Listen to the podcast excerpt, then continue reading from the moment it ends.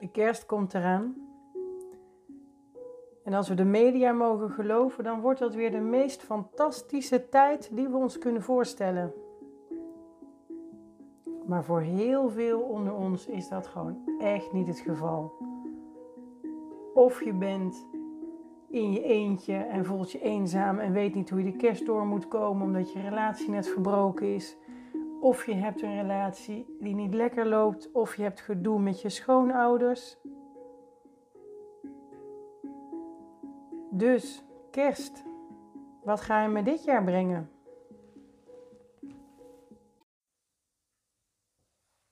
Ik neem je even mee terug naar vorig jaar. Je hebt net samen met je partner kerst gevierd bij je schoonouders. De spanning was weer om te snijden, de steken onder water voelbaar en je partner zei of deed niks. Dit was weer net zoals voorgaande jaren. En je had al buikpijn voordat je ging, omdat je er zo tegenop zag. Maar nu ben je eigenlijk ook gewoon boos en verdrietig. Je stapt de auto in om naar huis te rijden. Je partner vraagt of je het gezellig vond. En jij barst in tranen uit of in boosheid en vraagt: Wat denk je zelf? En je roept boos waarom hij of zij weer eens niet achter je stond. Waarom je schoonouders altijd maar zo mogen doen, zonder dat er ook maar iemand een keer iets van zegt. Nee, dat kan natuurlijk niet. Het moet wel gezellig blijven. Amahula. Je partner kijkt je glazig aan, zucht een keer en start de auto. In stilte rijden jullie naar huis. Wil je ook zo graag dat het dit jaar een keertje anders gaat? Dat het wel fijn is met kerst? Dat kan. En ik leg je in deze podcast uit wat het effect van kerst is. Dat is namelijk belangrijk om te weten. En vooral, nog belangrijker, wat er met je relatie gebeurt wanneer je bij je eigen ouders of je schoonouders bent. En uiteraard hoe je het natuurlijk weer fijn kunt hebben samen. Nou, we beginnen bij het effect van kerst. Het is namelijk niet zo dat kerst de oorzaak is van gedoe. Kerst wordt ingewikkeld doordat er al langer gedoe is in je eigen relatie of je familie. Kerst legt wel vaak een extra druk en ook dat doen we eigenlijk zelf, want we willen het gewoon fijn hebben met elkaar. Er moet toch kunnen die paar dagen in het jaar. De media zitten natuurlijk ook bovenop met alle prachtige happy, happy plaatjes, filmpjes. Maar ja, wat nou als het dus niet zo fijn is? Hè? Voor je het weet is er weer gedoe aan de kersttafel of dus in de auto als je naar huis rijdt. Een kerst laat ons weer opnieuw aanpassen. Stiller zijn, harder ons best doen. Omdat de lading van samen zijn, het fijn hebben en het gelukkig zijn, zo dat wordt zo versterkt. En wanneer je te maken hebt met pijn in je eigen leven, gedoe in je relatie en moeizame familiebanden, dan wordt dit extra vergroot als een soort snelkookpan. Wil je hier meer over weten? Um, mijn volgende podcast uh, gaat hier dieper op in. Dus kerst is er. En ja, kerst legt extra druk. Maar het, er wordt alleen zichtbaar wat er al meer was. Je kunt het ook zien dat alles onder een soort vergrootglas komt te liggen. Want het bij je ouders zijn, daar, daar gebeurt het. um, we gaan eens dieper in nou op het effect van ouders op je relatie. Want wat gebeurt er in je relatie wanneer je samen bij een van je ouders bent? Dit mechanisme begrijpen is belangrijk om nog meer gedoe met kerst te kunnen voorkomen. Wanneer je bij je ouders bent, kom je weer terug in het systeem van herkomst. Als daar nog steeds de niet helpende patronen, mechanismen en manier van reageren aanwezig zijn van vroeger, dan ga je daar als vanzelf weer in mee. Je komt dus weer in je oude patronen terecht. En wanneer je zelf nog met oud zeer kampt, hè, van wat je vroeger hebt ervaren, en deze patronen in jezelf nog niet doorbroken hebt, dan heeft dit een groot effect op je. En niet alleen op jou, ook op je relatie. Je verschuift namelijk van positie. Van volwassene, partner, misschien wel moeder, vader, naar weer kind. En je partner gaat dit merken doordat je als kind van ander gedrag gaat vertonen. En dit kan aanvoelen voor je partner als in de steek gelaten worden, alleen. omdat jij dus onbewust uit de verbinding bent gestapt richting weer je ouders. En in pijnlijke gevallen kun je ook tegen je partner keren. Meegaan in negatief of moeilijk gedrag van je ouders, maar misschien dus wel richting je partner. Het kan natuurlijk ook andersom zijn, hè, wanneer jouw partner in dat kindgedrag terechtkomt bij dienstouders. In ieder geval is het zo, patronen van je gezin van herkomst komen een relatie niet ten goede. Er zijn misschien verwachtingen waar jij en je partner niet meer aan kunnen of willen voldoen. En er worden grenzen, emotionele grenzen overschreden. Er is geen ruimte om te zijn wie je bent. En er worden dingen gezegd, al dan niet onderhuids, die pijn doen. Kind van, dat zie ik vaak in mijn praktijk, durft hier niet tegen in te gaan uit angst voor verlies van de liefde of de erkenning van de ouders. En dan ontstaat er ruzie. De partner roept het kind van tot de orde. En dit brengt dan weer een disbalans in jullie verbinding. Dus in je eigen relatie uh, gaan de posities ook verschuiven en wordt er pijn geraakt. En zolang er dus nog sprake is van oud zeer, zullen ouders altijd dus een groot effect op je relatie hebben. Eigenlijk is de plek naast jou of die van je partner nog bezet door een van de ouders. En daardoor heeft je relatie gewoon moeilijk kans van slagen. Dus wat je te doen hebt, is je ouders loslaten. Om een goede relatie te hebben is het nodig om je ouders los te laten.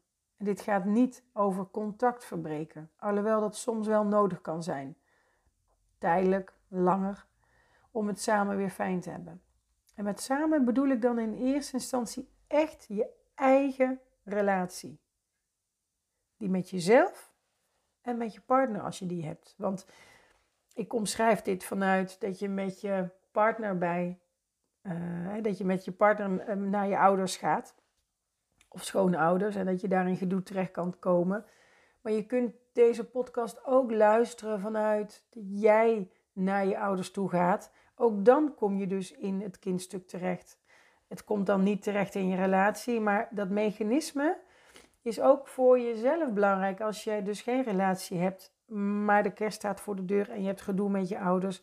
Dan heb je ook veel aan deze podcast. Um, even terug. Dus um, je ouders loslaten. Of dat nou is voor je, voor je relatie of dus voor de relatie met jezelf. En dat gaat over stoppen met je verantwoordelijk te voelen voor hun geluk. Stoppen met aanpassen om steeds maar de vrede te bewaren. Stoppen met afhankelijk te zijn van hun goedkeuring en erkenning. En dat start bij het zien waardoor dit is gekomen.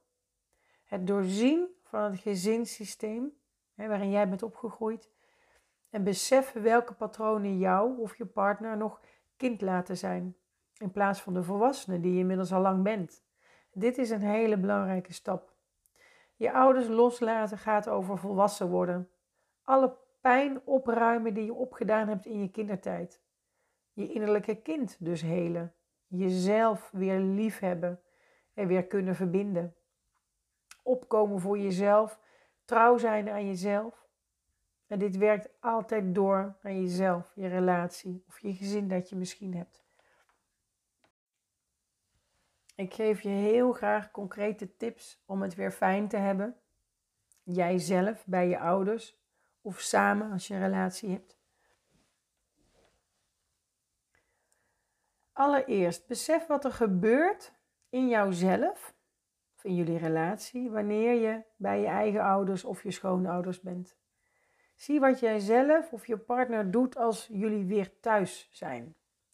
Stap in die helikopterview, hè? Dat, dat van bovenaf bekijken wat er nu gebeurt. Ehm, dat betekent hè, als dat je lukt dat je niet in de emotie zit. Dus van een afstandje kun je bekijken wat er gebeurt um, en wat er precies speelt. Als tweede, nou, eigenlijk moet je die uh, vooraf doen. Ehm, bespreek het risico vooraf. dus um, dit zal niet nieuw zijn. dit zal je jaren al achter elkaar herkennen. Dus neem dit serieus. Um, en ga vooraf bespreken van wat kunnen we nou doen samen op het moment zelf. Mag je elkaar erop wijzen wanneer het gebeurt? Ga je weg wanneer er weer gedoe ontstaat en het tussen jullie inkomt? Maak afspraken met elkaar en ben daar ook echt trouw aan samen. De derde is een tip voor het kind van. Um, alsjeblieft, met alle liefde die ik in me heb, wil ik je meegeven: kies vooraf en vanaf nu om bij je partner te blijven. Besluit achter je partner te gaan staan en te blijven staan. Hoe moeilijk het op dat moment ook is, als je voelt dat je ouders gaan trekken aan je of verwijten. Um, dat jij ander gedrag gaat vertonen. Um, en zij hebben namelijk ook die angst voor verlies. Wanneer jij niet meer steeds bij hun aansluit, gaan zij dat ook voelen. Dus zij gaan aan je trekken, welke manier dan ook. Dat weet je zelf het beste. Maar kies voor jezelf en je relatie. En dat kan strijd opleveren, het kan moeilijk zijn, maar uiteindelijk levert het jou veel meer op. Een goede relatie met jezelf, met je partner, de vrijheid en uiteindelijk ook een zuivere relatie met je ouders of je schoonouders. Ja, dit klinkt heel gemakkelijk, maar vandaar dus de vierde tip: werk aan jezelf. Doorbreek je patronen, zodat je niet meer meegaat in de patronen van je ouders. Of dat je niet meer zo geraakt wordt door bijvoorbeeld je schoonouders. Eh, door wat er gebeurt. Hoe, hoe meer jij al jouw pijn hebt opgeruimd, hoe minder dus iets in het hier en nu daar nog aan kan aanhaken. Dus dan, dan heb je daar gewoon veel minder last van. En als laatste tip nummer 5, heb compassie. Als iemand het anders had gekund, dan zou diegene dat gedaan hebben. Dat geldt voor jezelf, je partner, je ouders, je schoonouders. Wil je het weer fijn hebben samen? Zeker met de kerst nu voor de deur? Dan is het nodig dat je jezelf en de ander op een diepere laag gaat leren kennen. De laag van de pijn en de patronen. Of dat nou gaat over je partner, over je eigen ouders, als je geen relatie hebt, je schoonouders. Weten waardoor gedoe ontstaat, maakt echt dat je er makkelijker uit kunt stappen. Bestel de online training. De link staat in de tekst bij, de, bij deze podcast. En je kan gewoon meteen aan de slag. Als je daarbij vragen hebt, dan hoor ik je natuurlijk heel graag.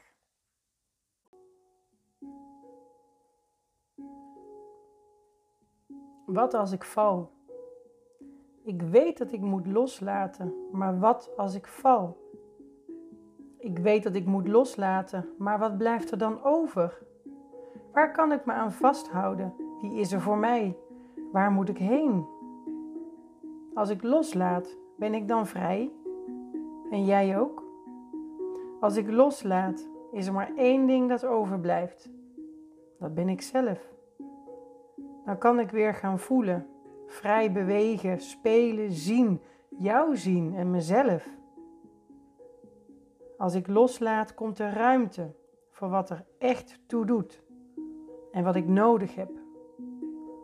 Dan komt er ruimte om te worden zoals ik bedoeld ben te zijn, vanuit een onvoorwaardelijk vertrouwen.